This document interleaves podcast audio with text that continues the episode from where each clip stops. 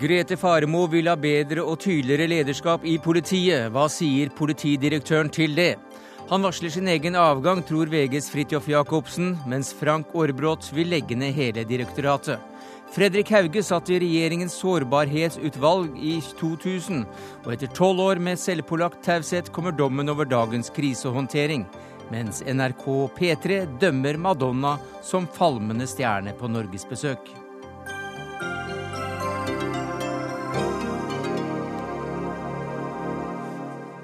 Ja, Det er noen av sakene i Dagsnytt 18 denne onsdagen, der vi også får historien om vennskapet mellom ungnazisten som startet Ikea, og jødegutten Otto. Men vi begynner med sikkerheten her i landet, og med deg, justis- og beredskapsminister Grete Faremo.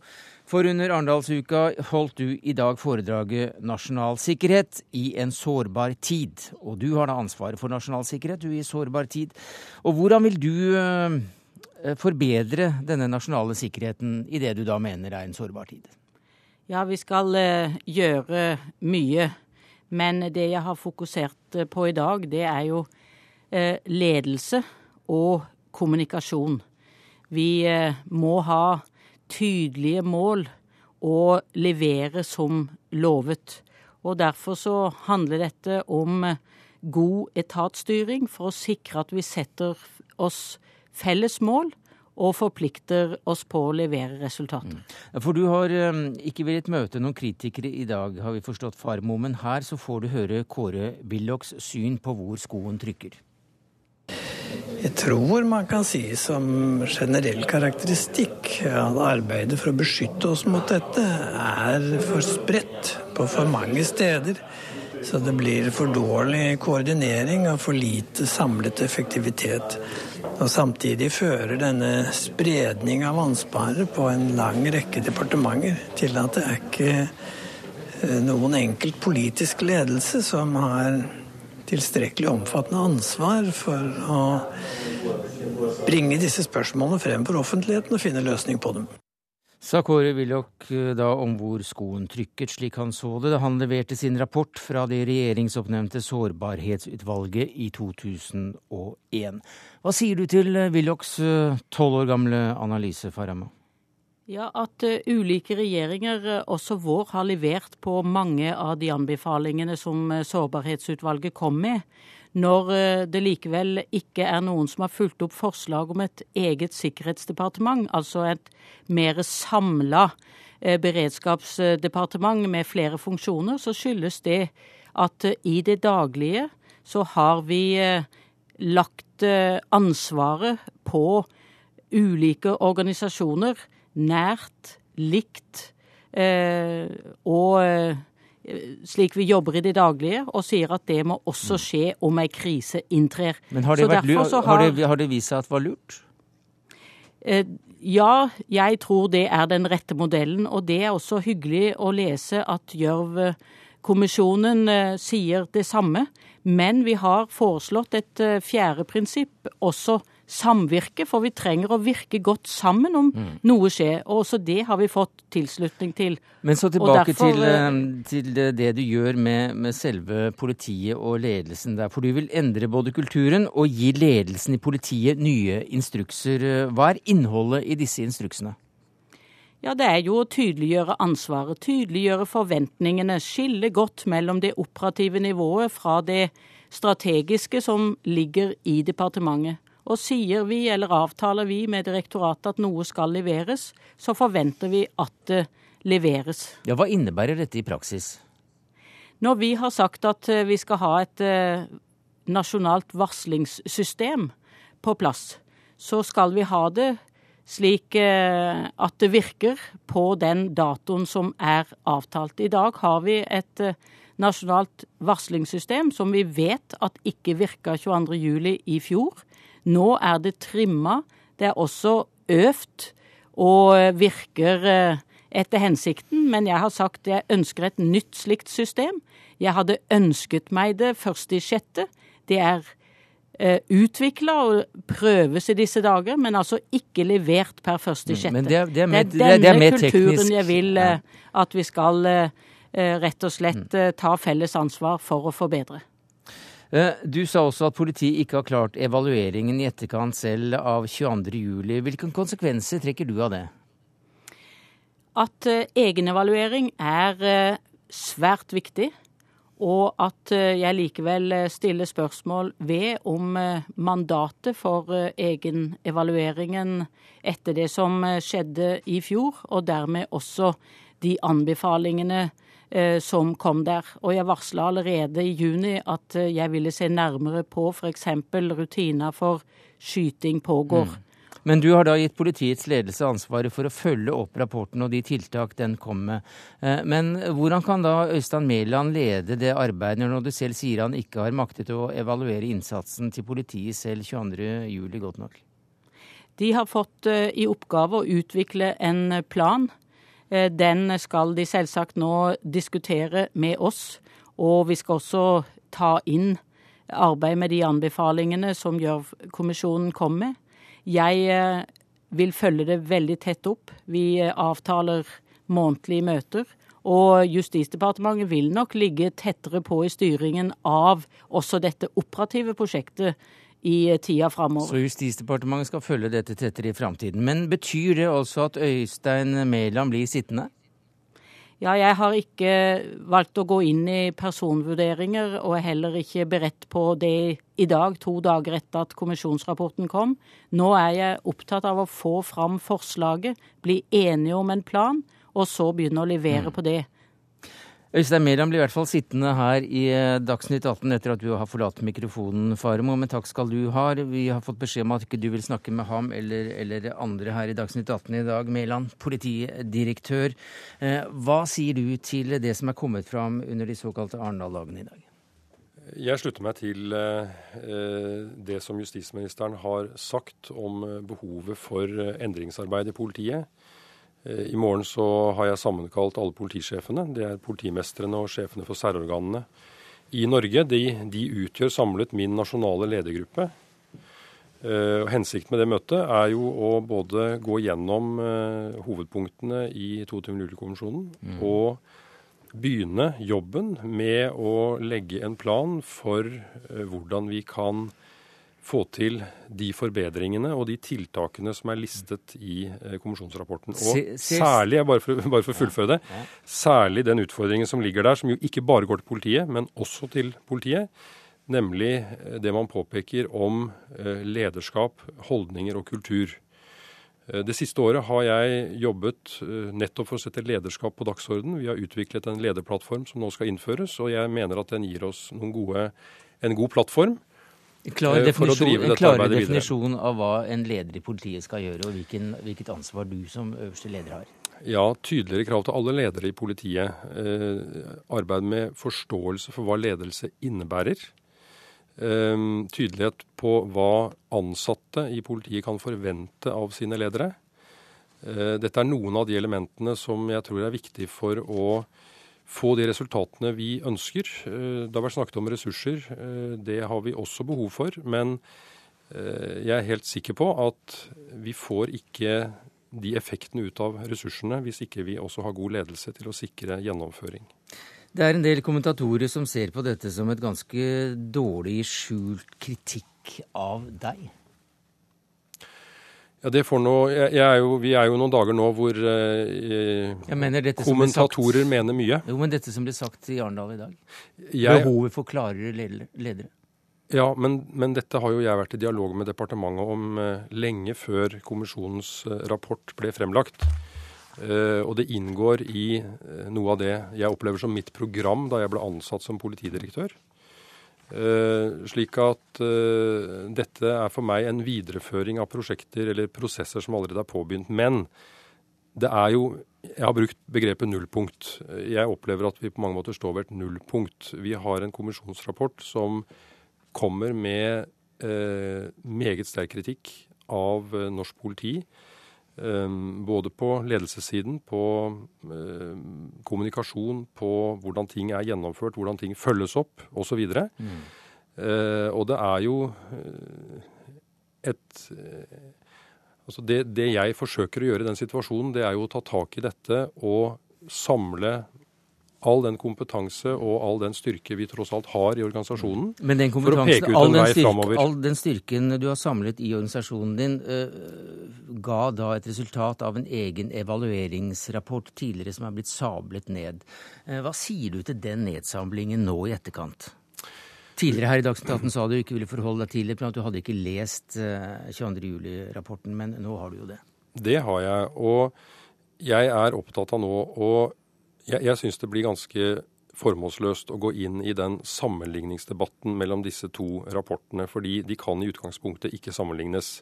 De har hatt to ulike formål, men det som er eh, som jeg sa i går, og som jeg mener er veldig nødvendig, det er at vi i tiden framover må få til egenevalueringer på en slik måte at vi sikrer at vi avdekker også de mest kritiske tingene.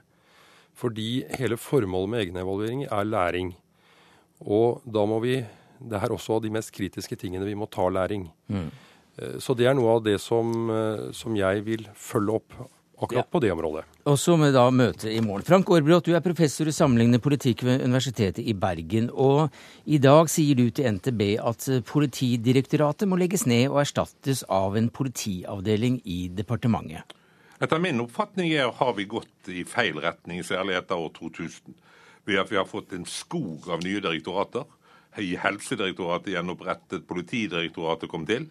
Og jeg mener at det blir en økende diskrepans mellom det ansvaret som ligger konstitusjonelt hos ministeren, og det å gi lage direktorater som har et operativt ansvar. Jeg mener at operative direktorater blir en fremmed fugl i vår konstitusjon.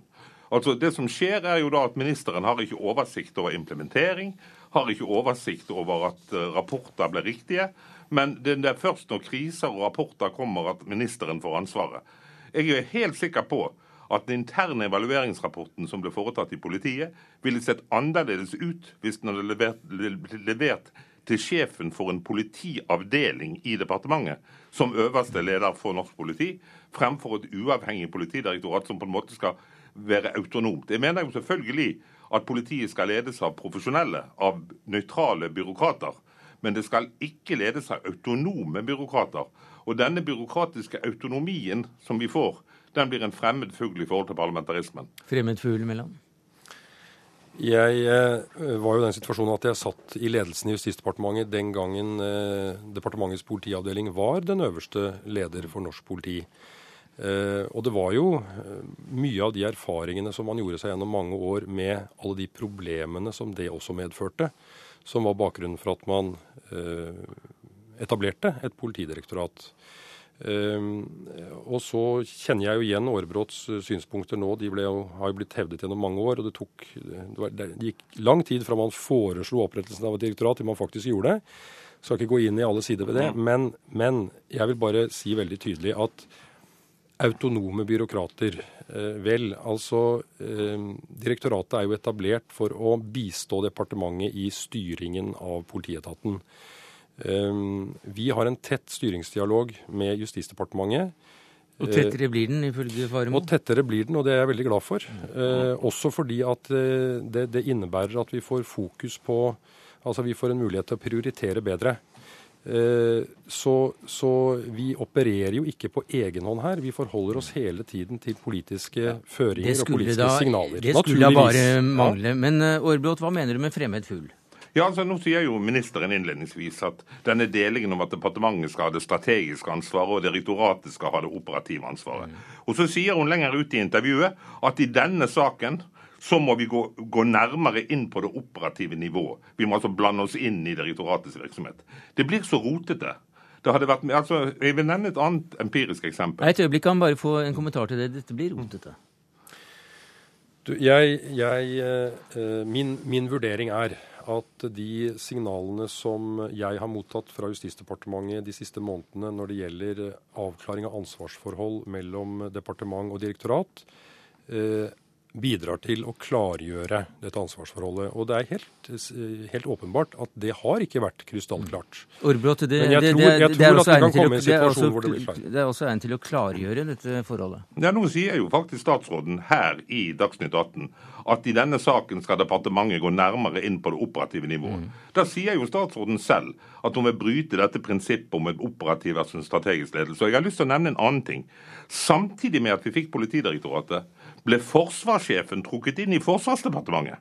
Altså der ble det autonome, eldgamle forsvarsledelsen lagt inn i departementet, mens man i Justisdepartementet gikk motsatt vei.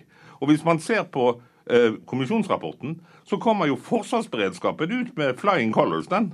Antagelig er det vel muligens det at det er litt tettere bånd mellom forsvarssjefen og forsvarsministeren enn mellom politidirektøren og justisministeren. Petter Gottschalk, du er professor ved Institutt for ledelse og organisasjon ved BI. Og du har studert ledelse og organisering i politiet i en årrekke. Og du har nå hørt hva både Faremo og Mæland og for så vidt Aarbrot også har sagt her. Eh, er, tid, eh, er tiden kommet for å, å rekonstruere hele den forbindelsen mellom departement og, og etat? Ja, det er helt klart eh, modent å reorganisere. Altså, eh, Årebrots løsning er ikke nødvendigvis den eneste mulige, men noe må skje.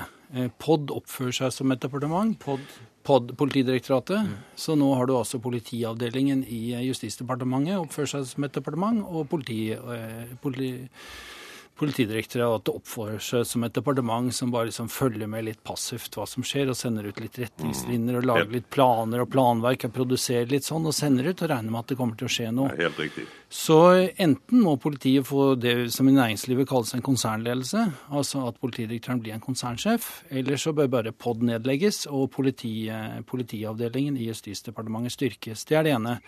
Det andre eh, videre er at norsk politi er organisert langs den geografiske aksen. Fordi det er basert på at alle politifolk skal være generalister. Og det har vist seg gang på gang ikke er så lurt. Så hvis vi sier at det heller bør, norsk politi bør være organisert langs kunnskapsaksen, kompetanseaksen, og spesialister, som selvfølgelig skal finnes geografisk rundt i Norge, men det er hovedprinsippet for organisering. Så vil det passe også veldig godt i forhold til en konsernledelse i politiet. Hvordan høres det ut for en konsernsjef, Mæland? Det er eh, interessante innspill, naturligvis. Jeg syns det er litt vanskelig her og nå å begynne å gå inn i den type diskusjoner. Vi eh, vi står nå i en situasjon hvor vi har noen eh, ganske akutte utfordringer eh, som vi må møte. Jo, jo, men hva, nå, har, nå, har, du hørt på Gottschalks eh, tilnærming til disse problemene. Ja. Altså en annen organisering, nemlig etter, etter, kunnskap. Ja, Vi er opptatt av hvordan vi kan uh, ivareta uh, eller bygge på og bygge ut kunnskap og kompetanse i politiet. Men jeg tror nok vi kan gjøre det innenfor ulike organisasjonsmodeller. Ehm, vi har, vært, vi har, også vært opptatt av å foreta organisasjonsendringer som vi bl.a. har spilt inn til departementet, og som eh, vi forventer også at det blir et svar på gjennom en stortingsmelding i høst. Ehm, men eh, jeg, jeg syns som sagt at eh, dette ikke er tid og sted for meg til å gå inn i denne diskusjonen. Men da er ikke du med på den. Men vi behøver vel ikke la politikerne slippe helt frie her heller. For det er jo ikke riktig at politiet bare er organisert geografisk. Vi har jo fått kunnskapsenheter på sentralt hold som eh, Terrororganer som Kripos, Økokrim, ja. vi hadde UP. Altså, Disse organene er jo blitt til fordi at politikerne ville signalisere at nå skal vi satse på økonomisk kriminalitet. Nå skal vi satse på, på å få skikkelig sentral kriminalitetsbekjempelse. Og disse særorganene må jo kunne tenkes å fungere som en slags sovepute for en del av de mindre bemannede regionale politidistriktene, som lett kan be om assistanse. Slik at du får en politimester som har et geografisk prinsipp, og så har du et Kripos eller et Økokrim som skal bekjempe ting. Så det, hele organisasjonen virker veldig rotete, syns jeg. Gottschalk, eh, tidligere i dag hørte vi at eh, en ny måling viser at 60% har tillit til politiet. Og det ble slått opp som at eh, det var veldig dårlig nytt. Men 60% er jo over halvparten i mm. denne tiden, og det grep du litt fatt i. For du mente at heller ikke 60% hadde politiet faktisk fortjent tilliten fra. Nei, altså Hvis du ser på tillitsmålinger og ser på det relative, f.eks. at NRK, som vi er i nå, scorer høyt, så er det grunnlag for det etter mitt inntrykk. Mens eh, politiets høye score i flere år var det ikke grunnlag for. Men siden folk ikke visste stort om norsk politi, så ville de i utgangspunktet stole på politiet. Med en gang det kommer sånne avsløringer som nå, og jeg tror det vil komme nye avsløringer også om tilstanden i norsk politi, utover høsten, da vil altså dette synke. Og da vil det bli bedre overensstemmelse mellom faktiske forhold i politiet og det det er grunnlag for ha tillit. Det har vi sett i næringslivet, Tine, Flytog og andre, som, som, som synker eller faller eh, og stiger, avhengig av hva faktisk innholdet er. Så jeg, Mitt inntrykk etter å ha forsket på norsk politi i ti år, er at, at uh, nå kommer det sannsynligvis ned på et nivå, et tillitsnivå som, som passer bedre med de faktiske forholdene i norsk politi. Men hvilket ansvar har da politidirektøren for eh, en slik eh, nedadgående utvikling når det gjelder tilliten? Altså, Politidirektøren skal jo drive ledelse, og, og det jeg har inntrykk av at politidirektøren, også den nye politidirektøren driver med, er administrasjon. Møtevirksomhet, planer og planverk. Ledelse definerer jo vi som styrt samspill mellom mennesker for å oppnå resultater som innfrir organisasjonens mål. Ledelse er å tilrettelegge for at hver politimann og hver politikvinne Eh, jobber slik at de bidrar til overordnede mål. Og det ser vi ikke tegn på. Det er det ene. Det andre som, som politidirektøren må gjøre, det er å legge til noe grunnlag, og det kaller vi jo strategier. Man har en informasjonsstrategi, en kunnskapsstrategi, en, en en systemstrategi og en, og en konfigurasjonsstrategi. Og det mangler i politiet, sånn at disse tiltakene til Gjørv-kommisjonen lar seg egentlig ikke eh, gjennomføre enda, så lenge de strategiene ikke er på plass. Og det siste poenget, som er veldig skuffende, er jo i hvilken grad man skylder på IKT. Og, og for, typisk folk som ikke har greie på IKT, de, de skylder på IKT. Det var en melding som het 'Alarm obs alle'. Det hadde ikke noe med teknisk som var problemet. Problemet var en adresseliste. Det var altså alle politidistrikter andre skulle få en melding, men adresselisten var feil. Eh, Telemark var ikke stavet Telemark, kanskje det var stavet Tilemark, og da når det ikke frem. Altså Det var menneskelig svikt. Det hadde ikke noe med IKT å gjøre. Og flere av disse andre tingene som politiledelsen bruker til å skylde på IKT, er menneskelig svikt. Er det det?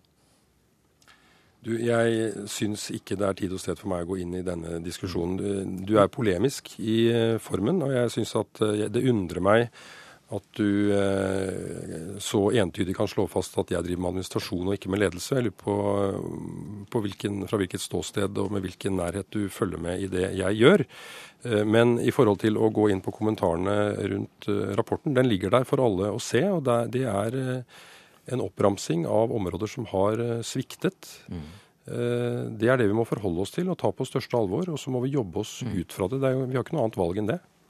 Nei, altså det var Forgjengeren din også mente at jeg kunne mulig ha peiling på det siden jeg var utenfor. Og nå har vi altså igjen fått en Gjørv-kommisjon. Og det jeg frykter nå, er at igjen mange hos deg kommer til å si ja ja, det var bra og vi får jatte med, men egentlig er det utenfor oss hvis du, vi tror ikke noe særlig på det. Og, og, og den bekymringen er veldig bekymret når du ikke fokuserer på spriket mellom Sønderland og og gjørv. Altså hvis du, hvis, du, hvis du, ikke er opptatt av den forskjellen, da tror jeg ikke du har skjønt poenget i den offentlige debatt disse to siste dagene. Hva i all verden er det som får deg til å si det og tro at ikke jeg er opptatt av det spriket? Men Du sa i sted at det ikke spiller rolle. Det sa du det, for fem minutter siden. Det har, ikke, det har jeg, virkelig ikke sagt. Men, men det som Du sa jo at ikke det var noe særlig vits å være opptatt av, men du ville se framover. Jo, men jeg sier i den måten vi kommuniserer utad på, så kan ikke vi sitte fast nå i en diskusjon hvor eh, detaljområde etter detaljområde blir tatt frem, og eh, som jeg blir bedt om å kommentere på.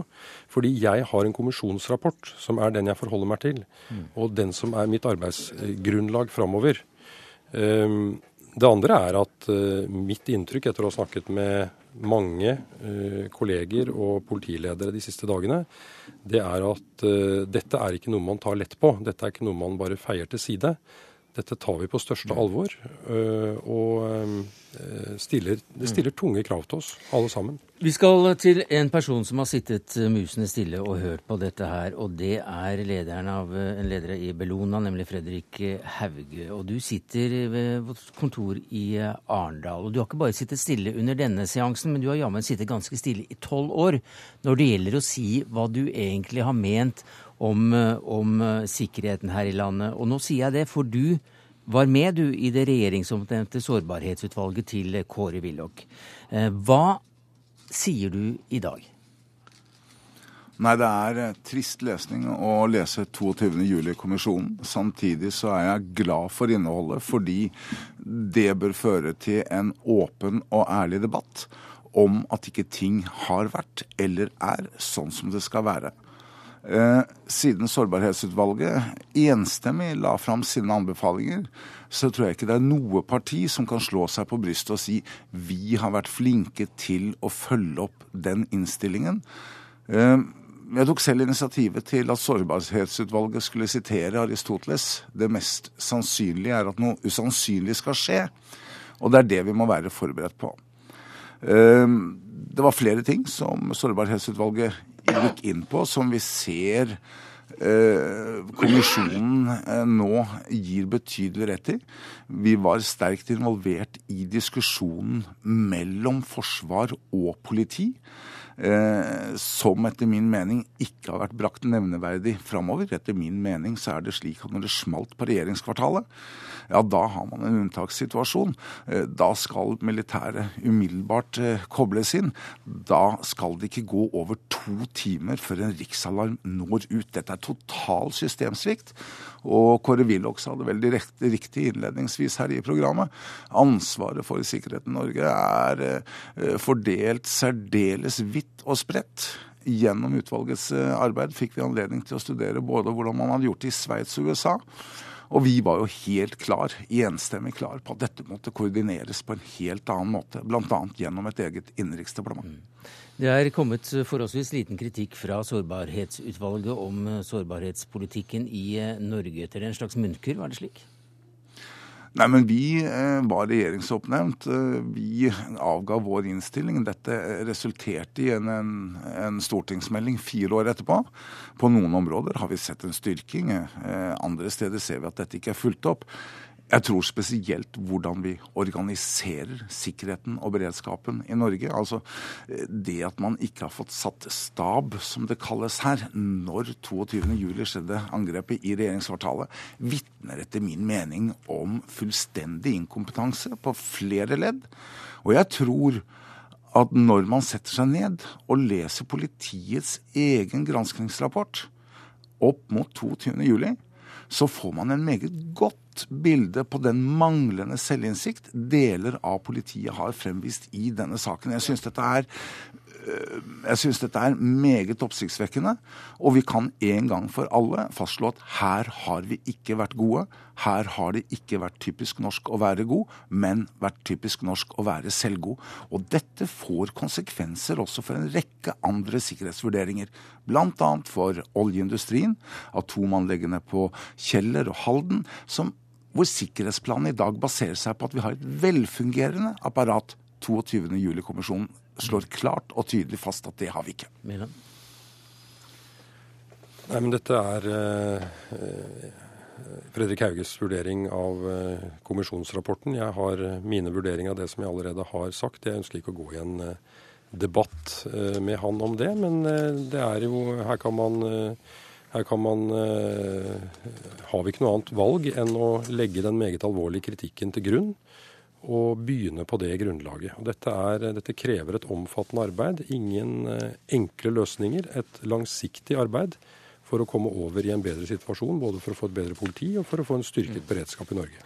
Takk skal du ha, Øystein Mæland, politidirektør, Petter Gottschalk, professor i Institutt for ledelse og organisasjon ved BI, Frank Aarbrot, professor i sammenlignende politikk ved Universitetet i Bergen, og Fredrik Hauge, leder av Bellona, medlem av Sårbarhetsutvalget i 2000.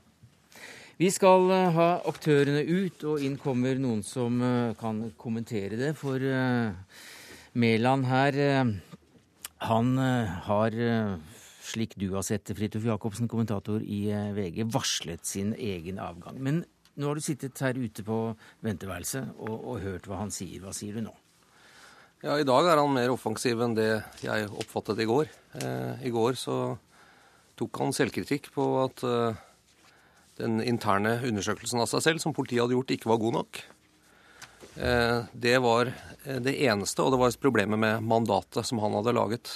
Akkurat dette ble trukket fram av justisministeren tre ganger i hennes første kommentarer til 22. Eh, juli-kommisjonens rapport. Og Jeg oppfattet da at Mæland tok så mye selvkritikk at han i hvert fall på en måte uten å si det direkte, la sin stilling på bordet og si at her eh, kan jeg gå av hvis det er ønskelig. Eh, så spør du i dag om Faremo fortsatt har tillit til han. Eh, det svarer hun ikke på. Eh, hun sier at det er for tidlig å ta personavveininger. Det er ikke noe hyggelig beskjed å få for en politidirektør, og det tror jeg også preget ham. Han er på en måte i limbo, sånn høres det ut for meg. Det tror jeg også han forstår selv. Det er en ulykkelig situasjon når politiet er så ute å kjøre som de er nå. Og Mæland er en meget dyktig og klok mann, og han må nok gjøre sine erfaringer om han har den nødvendige tillit og den nødvendige posisjonen som han trenger for å gjøre det enorme arbeidet som denne kommisjonen eh, varer på. Kanskje vil han komme til at eh, det har han ikke, og da er jeg usikker på om han faktisk vil gjøre den jobben. Harald Stanghelle, politisk redaktør i Aftenposten. Etter å ha hørt Farmo, Faremo, så er det flere andre kommentatorer som har sagt at dette var en knallhard kritikk mot Mæland. Hva sier du? Ja, Det er ikke jeg helt sikker på, men det jeg tror det avspeiler, det er en helt reell usikkerhet innad i regjeringa og hos justisministeren om hvor dette står personmessig om én måned, om to måneder, om tre måneder. Jeg tror at eh, de er djupt usikre på dette, og derfor eh, så eh, kan ikke Grete Farmo snakke seg vekk fra det ved å si at jeg har full tillit, eller nesten tillit. Eh, hun er nødt til å si at eh, konklusjonene ikke trukket når det gjelder personkabalen. Men Jens Stoltenberg sa at det var slett ikke sikkert at alle skulle ha de samme stillingene som de har i dag. og i det ligger det et vartegn, sånn som jeg ser det, på at noe vil skje. Og så skal vi også huske at eh, det å være politidirektør er en vanskelig jobb, for du har mange som jobber mot deg. Både utenfra eh, og i din egen organisasjon. Du har tillitsvalgte, eh, du har politimestre som er misfornøyd med å bli sentralt styrt. Så du må ha en veldig sterk posisjon for å klare å gjøre dette, og selv da er det vanskelig. For det er mange kanaler bak politidirektøren, inn til politisk miljø, til justisminister, via fagforeninger osv. Eh, Jf. da flere tusen politifolk demonstrerte i full uniform utenfor Stortinget Eh, noe som var veldig skandaløst, og det ikke fikk noen konsekvenser.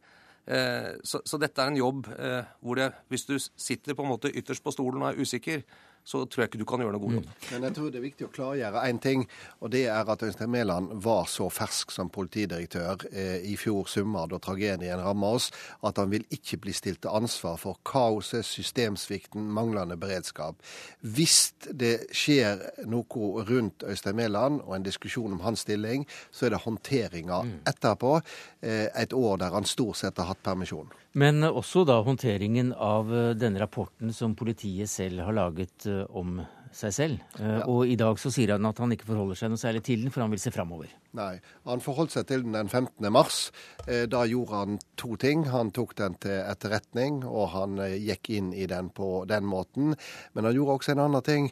Han var den første politileder, inkludert justisministeren, som faktisk beklaga at en ikke gjorde jobben sin godt nok. Eh, den gjentok han enda sterkere på ettårsdagen for eh, eh, tragedien nå. Han har vært den politileder som har vært klarest også før denne nærmest tsunamien av kritikk mm. har kommet nå i kommisjonen. Ja, jeg, jeg, tror heller ikke vi skal undervurdere Øystein Mælands egenskaper. Jeg tror under andre omstendigheter at han kanskje kunne vært en glimrende politidirektør. Han har en veldig tung erfaring både fra politikk, eh, fra Justisdepartementet, eh, under både Faremo og, og Liv Valla.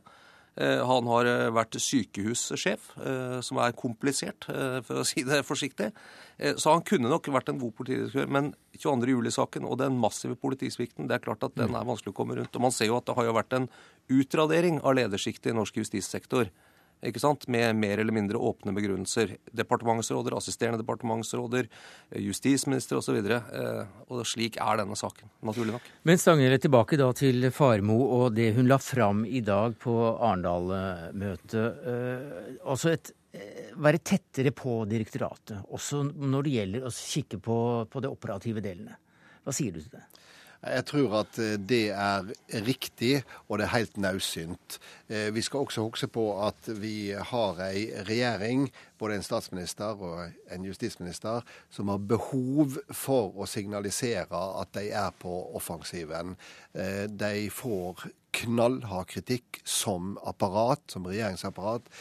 Statsministeren får direkte kritikk. Grete Faremo er den som klårest kan ha legitimitet til å varsle endringer av to grunner. For det første så var hun ikke justisminister 22.07. Hun var forsvarsminister, og Forsvaret er en av de relativt få statsinstitusjonene som faktisk får skryt i 22.07-kommisjonen. For det andre fordi at Grete Faremo er kjent som ei håndfast dame. Eh, hun er ei dame som er vant til å bryne seg på store utfordringer. Eh, og derfor så har hun en legitimitet. Når det er nettopp henne som nå snakker med fasthet om at hun vil ha sterkere styring. Mm. Dette skal følges opp. Dette skal ikke drive for vær og vind. Eh, Stangele, før eh, vi må avslutte denne saken, men før det går, så må vi nesten bare knytte et par eh, bemerkninger til denne lederen i Aften Aften fra 2007, som nå går som en farsott over de sosiale, i de sosiale mediene, hvor altså din avis kaller behovet for å stenge Grubbegata ren hysteri, og noe man for enhver pris måtte unngå. Hva, sier dere i Aftenposten til, til en slik eh, bumerang? Det sa vi på lederplass i Aftenposten den 25. august i fjor under, leder, under tittelen 'Vi tok feil', og det var det vi gjorde. Det er ikke første gangen Aftenposten har feil. Det har vært nok dessverre ikke siste gangen. Men da var det nødvendig for oss å si at der tok vi feil. Takk skal du ha, Harald Stangere, politisk redaktør i Aftenposten, Fridtjof Jacobsen, kommentator i VG.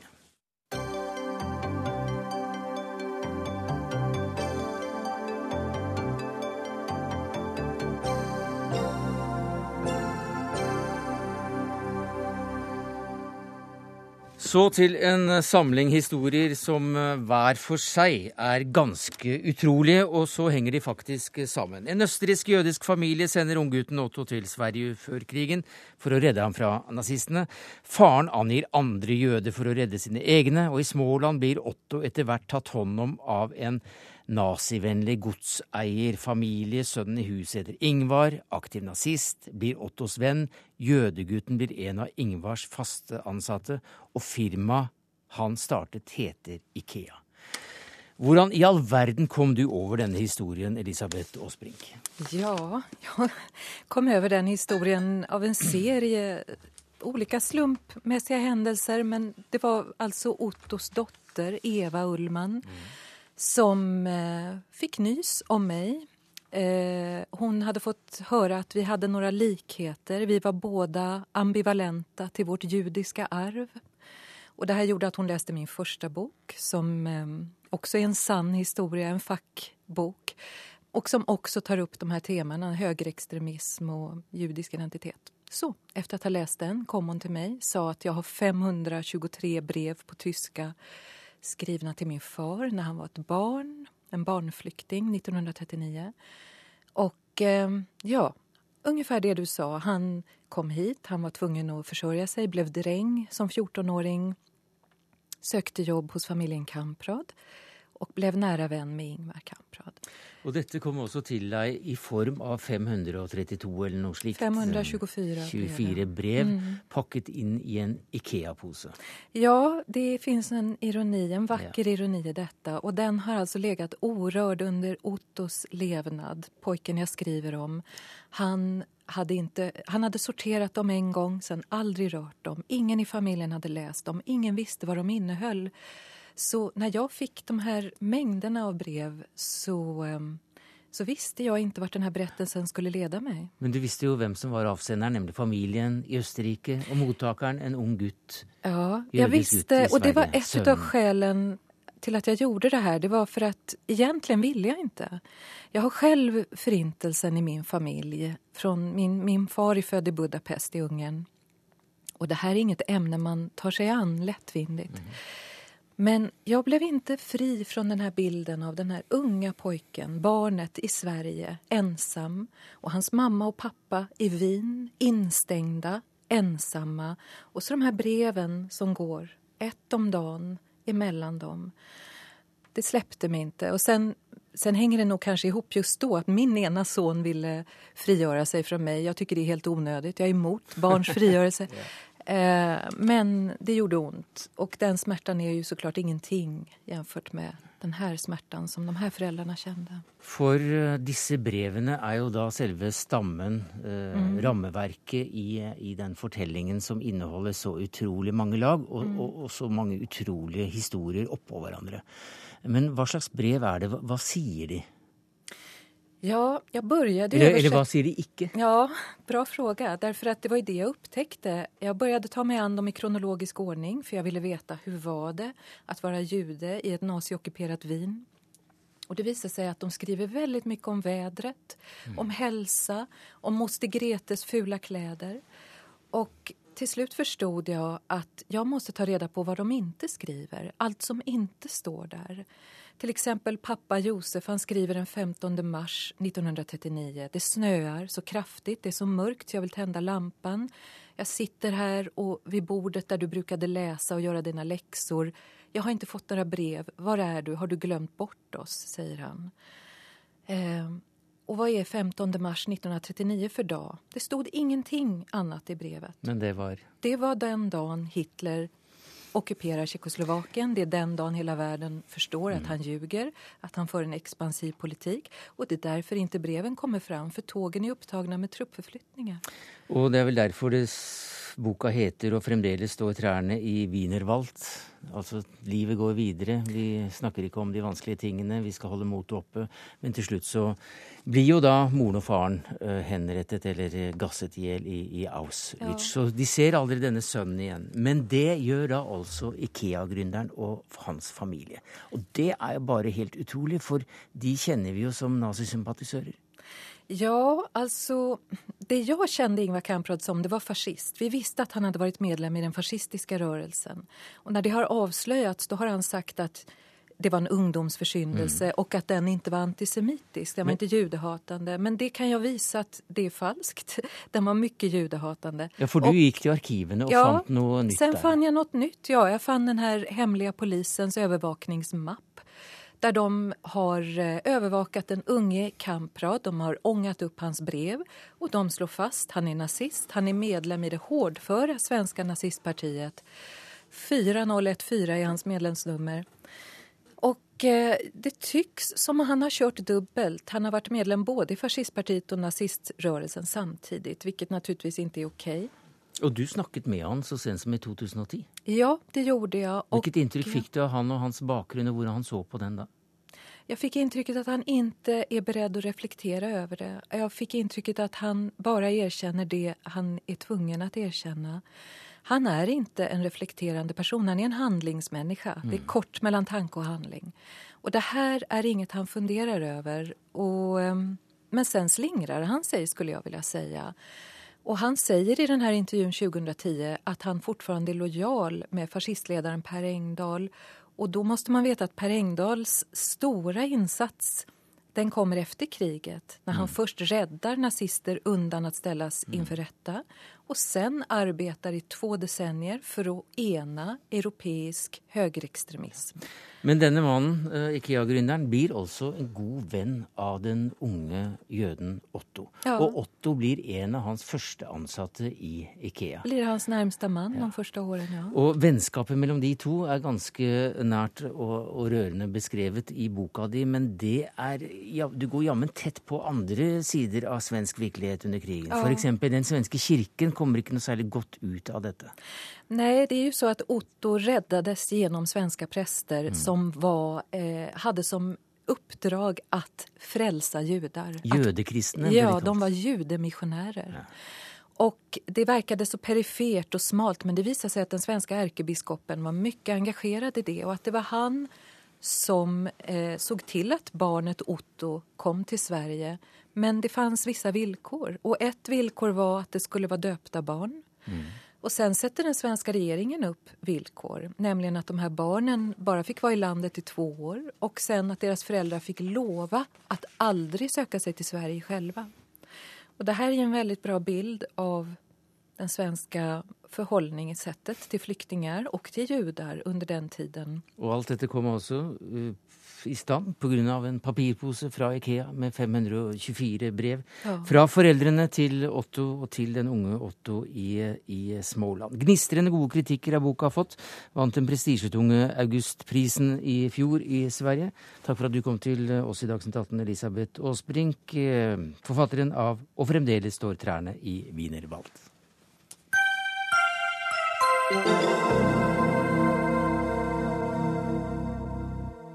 Den syriske regjeringen skal ifølge Human Rights Watch ha skutt raketter mot et sykehus i byen Aleppo i går. Og det var flere eksplosjoner i nærheten av hotellet der FN-observatørene holder til i hovedstaden Damaskus.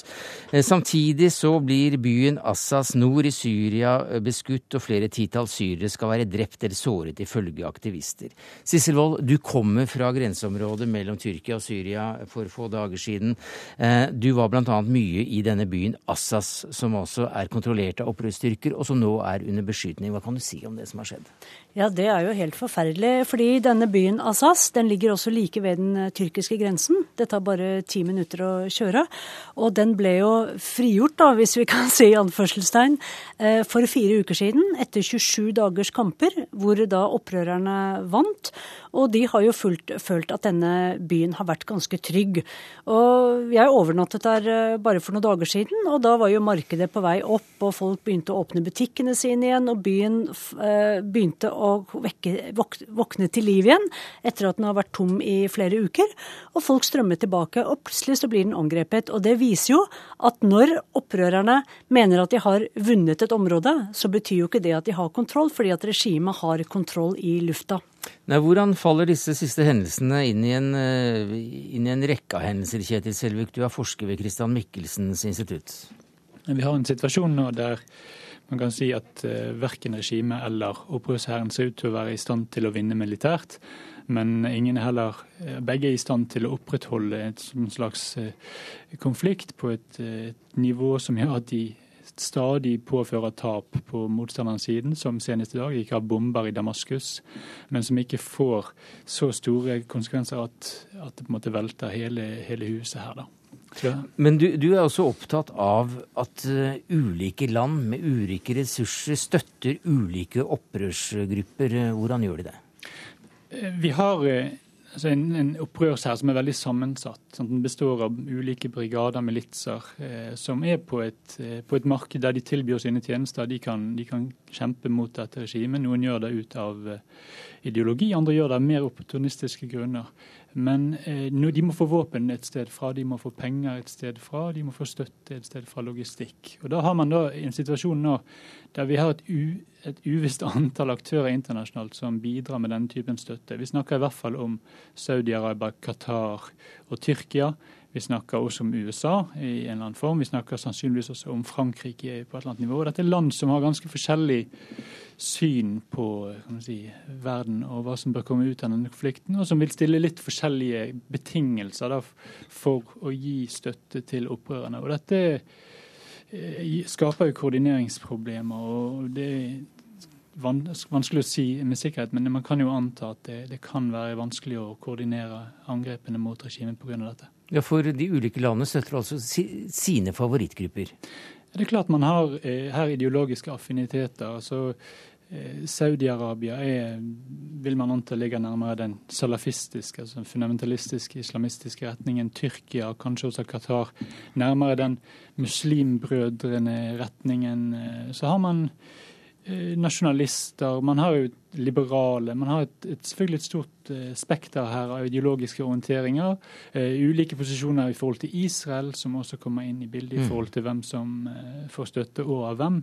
Så vi har, vi, vi har et, et, veldig sammensatt, til dels kaotisk bilde også på um, opprørernes side. Sissel Wold, der du befant deg, så sendte du rapport hjem, og det virket som om de, uansett hvem som kom med våpenet, bare var veldig, veldig glad og ba mer. Ehm, men de pekte også på Qatar. Ja, de eh, har jo fått mye støtte fra Qatar, og Qatar har jo også vært aktiv i å hjelpe dem i å få våpen. Vi vet ikke helt hvordan det skjer, men du ser jo disse landene som støtter opp, Qatar, Saudi-Arabia og Tyrkia, det er sunnimuslimske land. Og det jeg merket veldig godt, er at folk snakket mer og mer om de var sunnimuslimer, om de var alawitter. De snakket ikke om at vi er syrere så mye. Vi vil ha et fremtidens Syria for alle syrere. Men du merker veldig godt de sekteriske skillelinjene. Nå har du jo vært 14 dagers tid i, i, dette området. Du har vært ut og inn av Syria fra tyrkisk side. Du har møtt hundrevis av, av syrere. Hvilket inntrykk sitter du igjen med? At det er veldig mye en konflikt mellom sunni-arabiske syrere og alawitter og kristne på den andre siden. Og mitt inntrykk er også at det er en kamp om en livsstil. Hvor sekulært, hvor religiøst skal fremtidens Syria være? Det er bare mine inntrykk. Og andre ting er at alle flyktningene som har rømt til Tyrkia, veldig mange av dem har solgt husene sine for en spottpris. Og der sitter det da noen og kjøper opp masse eiendom i Aleppo, i Damaskus. Og, og, de bruker pengene på å være flyktninger da, helt på ubestemt tid. Så når jeg tenker etterpå, etter Assads fall kanskje, at, at, klassene vil bli veldig endret. Fordi de som hadde mye, de blir kanskje fattige etterpå. Og så er det helt nye folk som da har, som har profittert på krigen. Og det er jo mennesker vi snakker om. Ja, og det er forferdelig trist i Syria nå, for du ser hvordan landet bare blir revet i filler. Familiene bare rives i filler. Og dette angrepet nå i Assas, en by som man trodde var relativt trygt, viser jo hvor veldig usikkert alt er. Og i mange år så har jo reisende observatører fremhevet syrere, selv om det ikke går an å bruke begrepet syrere kanskje som, som et helt fenomenalt gjestfritt folk. Veldig sympatiske, blide, hyggelige, veldig gjestfrie. Fantastiske mennesker. Som viste verdighet og gjestfrihet selv i de mest tragiske omgivelser. Hvordan ser du på hva som nødvendigvis nå må skje framover, Kjetil Selvik? Det som er ideelt burde skje altså Man har jo en konflikt som vil risikere å gå over i en sånn stedfortrederkrig, der den i hvert fall opprettholdes altså Insentivet kommer nedenifra, fra landet selv og fra den sekteriske konflikten i Syria. Men, men den jevne strømmen av penger og våpen og støtte på, på hver sin side bidrar selvfølgelig til å holde bluss i dette. og det, det, er vanskelig å se hvordan denne strømmen da, og den støtten skal, hvordan man skal på det regionale nivået mellom la oss si, Iran og Saudi-Arabia, eller på internasjonale nivået mellom USA og Russland, hvordan man skal komme fram til en, en politisk løsning som gjør at man faktisk eh, prøver å snu dette. Så du tror ikke på noen politisk løsning, da tror du vel da på en militær løsning? Ja, for så vidt, men kanskje ikke på kort sikt. Det er vanskelig å se. For selv om Assad eh, faller, eh, altså blir tatt f.eks. i et bombeangrep eller noe sånt, så har vi nå en situasjon der vi snakker om et par hundre tusen alawitter som har kjempet for han eh, med våpen og på en sånn brutal måte at de vet at de har ingen alternativ enn å fortsette å kjempe selv om mm. eh, Assad faller. Og Da har man det gående i, i en eller annen form for uh, intensitet i, i, denne borgerkrigen selv etter Assad, hvis han da plutselig skulle bli borte. Takk skal du ha, Kjetil Selvik, forsker ved Christian Michelsens institutt, og til deg, Sissel Wold, NRKs utenriksmedarbeider.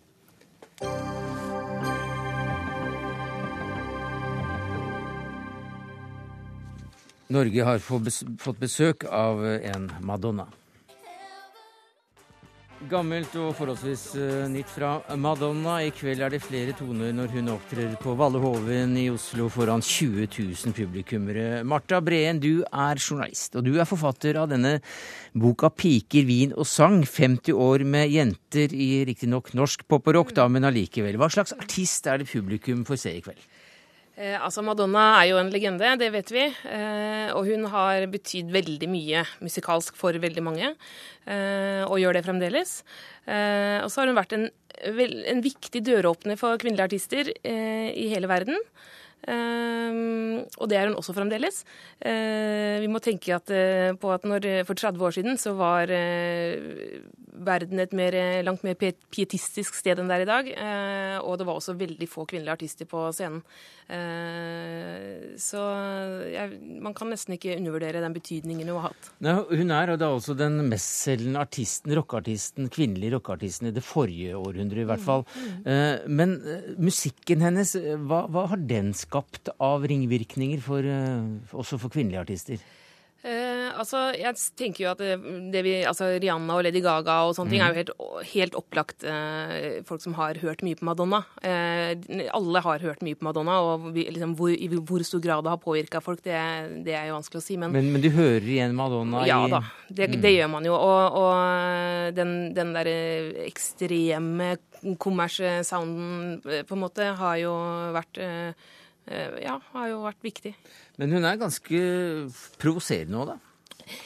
Eh, ja, hun har jo vært det opp igjennom. Og, og nå på denne turneen så har hun vist seg mm, kanskje mer provoserende enn noen gang. Mm -hmm. ved å gjøre hva? Ja, Ved å f.eks. støtte gi støtte til homofile i, på turneer i Asia. ved å støtte det fengsla bandet Pussy Riot i Russland. et band som sitter nå fengsla for å gjøre det som vestlige artister gjør hver eneste dag, og si sin mening om politikk. så og og hun har også trua med fengsel og vold for å ha vist en brystvorte. Mm -hmm. Så eh, det som på en måte her hjemme kanskje føles litt sånn passé, det er fremdeles veldig brennbart i mange andre land. da.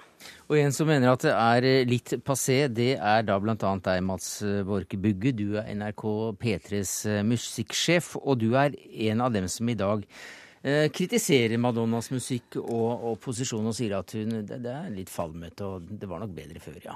Så dere spiller ikke så mye av det i P3 lenger? Nei, vi spiller ikke noe særlig Madonna i det hele tatt. Vi, ferdig med henne? Ja, øh, omtrent. Så lenge hun ikke gir ut noe øh, betydningsfull musikk, så, så, velger vi ikke å spille henne. Eh, og som Martha sier, hun har åpnet veldig mange dører, og mange artister har gått gjennom øh, den døra, og med hell. Eh, så hun opplever i dag mye større konkurranse fra andre som har eh, tatt mye av det Madonna har representert i, i flere tiår, men gjør det i dag bedre rent musikalsk. Og det er poenget her, at Madonna er i mine ører og øyne eh, en, eh, en falmende stjerne. Øyne også? Ja, altså, hun, ser, hun ser slett ikke verst ut. Madonna ser helt eksepsjonelt bra ut. Jeg fatter ikke hvordan det er mulig. Sikkert mye, mye trening og, og sånn. Eh, så jeg har ingenting å si på utseendet hennes. Hun, hun, må, hun, må, gjerne fortsette å kle av seg. Det, det syns jeg bare er eh, ålreit. Uh, men jeg syns man må kunne forvente noe annet enn bare um, provokasjon og politisk spill fra scenekanten. Selv om jeg vil applaudere det. Det er vanskelig å være uenig i mange av de tingene Madonna mm. reiser seg for. Men musikken må også holde mål. Men musikken er også av en slik art at ikke det spilles noe særlig mer i, i, i ungdomskanalen som skal være P3. Hva syns du om det? som... Nei, det blodfan? Jeg, nei, jeg er ikke blodfan. Er du ikke Nei, Men jeg syns det er helt, uh, helt, greit uh, at hun ikke ikke blir spilt på P3. det er en, det er en Jeg er helt enig i at hun ikke er, har levert sin beste plate nå. Mm. Men det jeg syns er veldig positivt, er jo at hun, hun kunne veldig lett nå bare turnert med gammelt materiale. Mm. og det er det veldig mange artister på hennes alder som gjør. men jeg syns det er veldig at det at hun har den skapertrangen og viljen og ønsket om å, å lage noe nytt hele veien, er en uh, kul greie. Og mm. det kan bety at vi får et uh, kreativt comeback om noen år. Men jeg hørte deg i, uh, i debatt med P3s musikksjef i Kulturnytt for en drøy time siden, og da mente du at den kritikken var litt prippen. Hva mente du med det? Altså, Jeg syns at vi har sett eh, en del kritikk fra noen eh, journalister, og også mye på nett og sånn, som går på det at hun er for gammel og et gammelt skinn. Det er veldig sånn voldsom språkbruk. da, At hun er dau og, og, patetisk og sånn. Og det føler jeg kanskje er litt eh, kjønns... Eh, altså, det, det, er litt det er, urettferdig. Det er jo en kritikk som også mannlige artister opplever. Altså, Når Rolling Stones er i, i landet, så er det mange som skriver negativt om deres konserter, og at de kun gjør gammelt materiale. Eh, og det samme Bruce Springsteen. Enkelte har også vært kritiske til han. Så, så det er ikke noe, dette er ikke noe, mm. noen kjønnsdebatt. Det som går direkte på utseendet, og alt det voldsomme fokuset på at eh, jeg tror jo, at her, her, snakker vi om en artist mm. som har på en måte basert hele karrieren sin på utseende og spille nettopp på Og hvordan hun ser ut, det får altså 22 000 mennesker vite om ganske nøyaktig et par timer. Skal, ja, hvis det er utsolgt, da. Skal du dit? Nei, jeg skal ikke dit, og det er en god indikasjon på at hun er Ok, takk skal du ha uansett, Mats Borch Bugge, NRK P3s musikksjef. Marta Breen, journalist og forfatter. Det var det vi rakk i Dagsnytt 18 i dag. Takket være Saria Victoria Rygg, Finn Lie og Sverre Tom Radøy.